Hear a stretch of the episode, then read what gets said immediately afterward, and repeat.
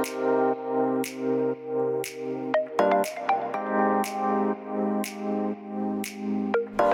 hallo, wat leuk dat je luistert naar de Good Vibes podcast met Daphne Breedveld. Ben jij geïnteresseerd in persoonlijke ontwikkeling, de wet van aantrekking en ondernemen? Dan is dit de podcast voor jou. Ik neem je heel graag mee op mijn ontdekkingsreis naar absolute vrijheid. Omdat ik er 100% in geloof dat je alles kunt creëren wat jij maar wilt. Jouw tofste leven en business puur door vanuit je gevoel te leven. Ik wens je heel veel inspiratie en luisterplezier. En stay tuned voor zo'n good vibes. Hey hoi, leuk dat je weer luistert naar een nieuwe aflevering van de Good Vibes podcast met mij, met Daphne. En vandaag ga ik het met je hebben over de derde stap of de derde actie die je moet nemen als jij wil veranderen of als je iets wil veranderen of in het transformatieproces, zoals je dat wil noemen, wil. En eigenlijk zijn dit ook de stappen die je gebruikt om uh, je realiteit te veranderen en om dingen in jouw leven aan te trekken waar jij naar verlangt. En deze derde stap is uh, het veranderen van jouw verhaal. En gisteren en eergisteren heb ik het al met je gehad over de eerste stap. Dat is 100% verantwoordelijkheid nemen voor, het, voor je leven. Voor alles wat er op dit moment in jouw leven is. De tweede stap is bewustwording. Dus je wordt je er bewust van dat jij uh, dat leven wat je nu hebt zelf hebt gecreëerd, zelf hebt aangetrokken. En uh, de bewustwording zit hem dan in het feit dat je gaat herkennen wat jij doet, waardoor jij aantrekt wat je nu aantrekt. En um, dat is de tweede stap, dat is de bewustwording. De derde stap gaat over jouw verhaal. Want uh, bij de bewust, op het moment dat je je bewust wordt, dan kom je er ook achter dat jij over het algemeen een aantal belemmerende overtuigingen hebt of niet helpende gedachten. En wat zijn dat nou eigenlijk? Nou, niet helpende gedachten, dat zijn eigenlijk gedachten die jou belemmeren om aan te trekken wat jij graag wil. En vaak zijn dat dus dingen die jij onbewust doet. Ik heb er al eerder een podcast over opgenomen, over uh, belemmerende overtuigingen.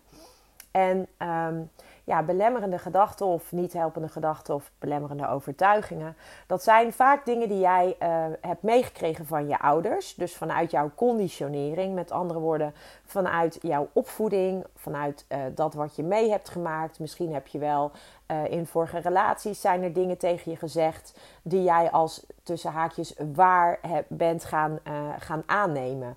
En het aller, allerbelangrijkste is dus dat jij doordat je je bewust wordt, gaat herkennen wat jij, uh, wat jij als waarheid aanneemt. En ook uh, wat er dus voor zorgt dat jij aantrekt wat jij nu aantrekt.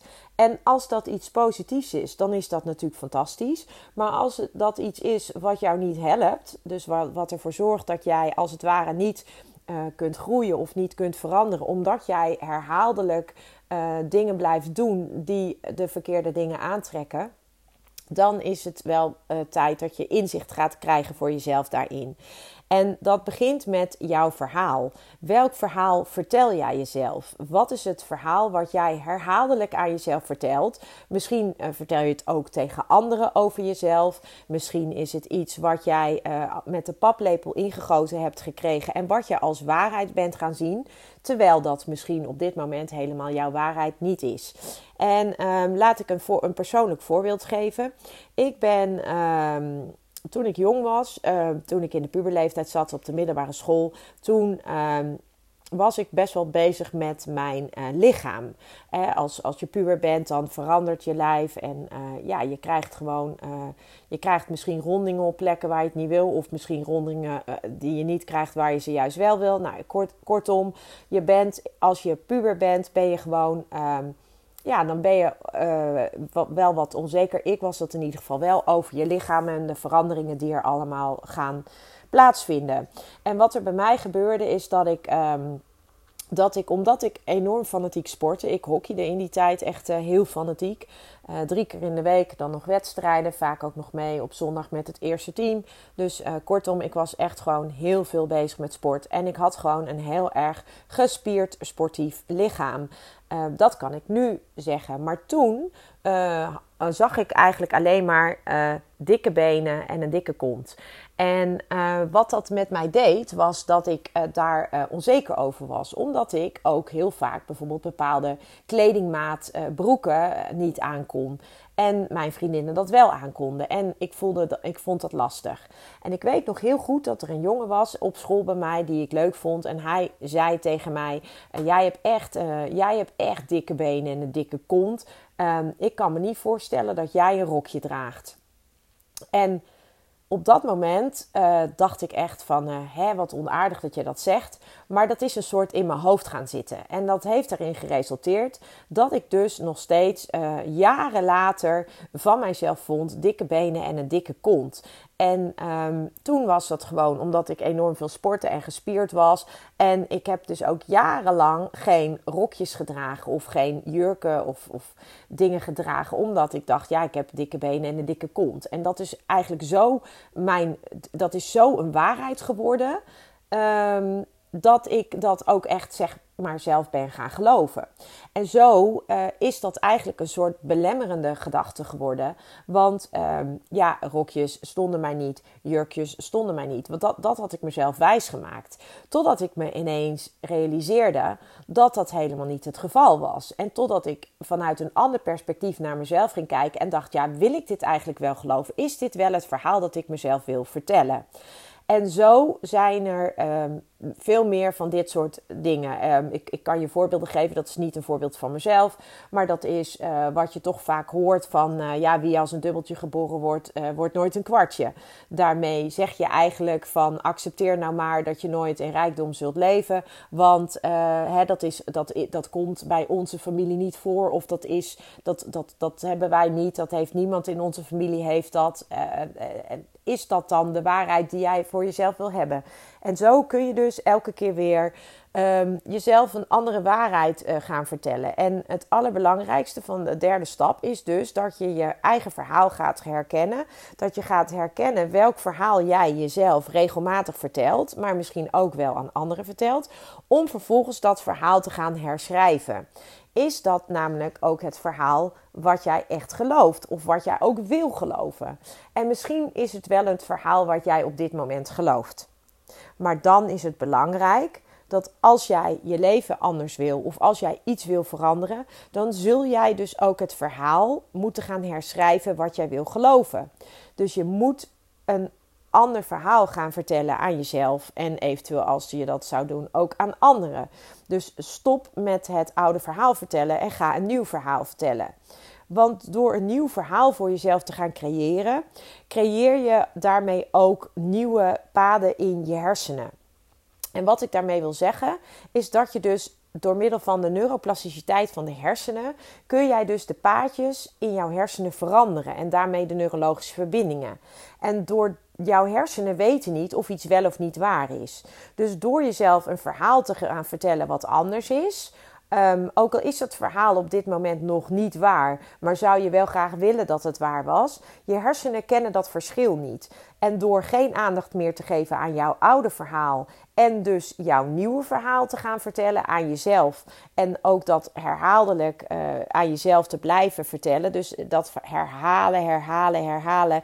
Bijvoorbeeld elke dag je verhaal, nieuw verhaal opschrijven. En dat verhaal elke dag opnieuw lezen. Voordat je, uh, als je opstaat, voordat je naar bed gaat. Misschien heb je wel reminders door middel van een, een armbandje of een ringetje of een symbooltje wat je hebt. Waardoor jij elke dag er even aan herinnerd wordt. Oh ja, dit is mijn nieuwe verhaal. En als je dat op die manier kunt gaan doen. Je, je herkent je oude verhaal en je herschrijft je oude verhaal naar een nieuw verhaal. En vervolgens dus geen aandacht ook meer geeft aan dat oude verhaal, dan kan het niet anders dan dat er in jouw hersenen verandering gaat plaatsvinden. En dat, dat heeft dus te maken met die neuroplasticiteit van die verbindingen. En dat betekent dus dat als jij verbindingen hebt gemaakt jarenlang, dan is dat eigenlijk een soort pad wat ingesleten is in jouw hersenen. Die verbindingen zijn heel sterk. Maar door geen aandacht meer te geven aan eigenlijk dat paadje in jouw hersenen, zal dat paadje langzaamaan ook verdwijnen. En als je dan juist aandacht geeft aan dat pad wat je wel wil aan jouw nieuwe verhaal. En je blijft dat verhaal herhalen, herhalen, herhalen. En je kunt ook echt voelen hoe het zou zijn als dat verhaal waarheid zou zijn. En je kunt dat elke dag zoveel mogelijk herhalen en voelen en er blij van worden. Ook al weet je dat het nu nog niet zo is, maar, maar toch dat je dat gevoel helemaal kunt ophalen. Dan gaan zich dus die paden in jouw hersenen vormen. En dan krijg je dus nieuwe neurale verbindingen. En dan krijg je dus nieuwe paadjes in je hersenen door die neuroplasticiteit van, de, van, jou, van jouw hersenen. En dat is natuurlijk fantastisch, want een verhaal wat je dan jezelf vertelt als nieuw verhaal, wat nog niet werkelijkheid is, dat wordt dan werkelijkheid, omdat jouw hersenen eigenlijk al uh, erin geloven dat het zo is. En als jij dan vanuit het echt voelen ook die vibratie kunt gaan uitzenden, dan kan het niet anders dan dat je het gaat aantrekken. Dus de derde stap in het proces van verandering of, uh, of transformatie en daarmee ook uh, manifestatie is dus het herschrijven van jouw oude verhaal naar een nieuw verhaal en dat ook daadwerkelijk te gaan voelen. Dus ik zou zeggen, pak pen en papier, schrijf je oude verhaal op en maak er een mooi nieuw verhaal van. En ga dat elke dag aandacht geven, zodat jij jouw nieuwe realiteit in jouw leven kunt gaan aantrekken. Ik wens je heel veel plezier. Ciao. Ja, lieve mensen, dat was het weer voor vandaag. Dankjewel voor het luisteren. Ik hoop dat ik je met deze aflevering heb weten te inspireren. Wil je nu meer inspiratie? Abonneer je dan vooral gratis op deze podcast. En ik zou het helemaal fantastisch vinden als je een review zou willen achterlaten, zodat ik ook voor anderen goed te vinden ben in de iTunes en Spotify lijsten en daardoor nog meer mensen kan inspireren. Dankjewel voor nu en geniet van je dag.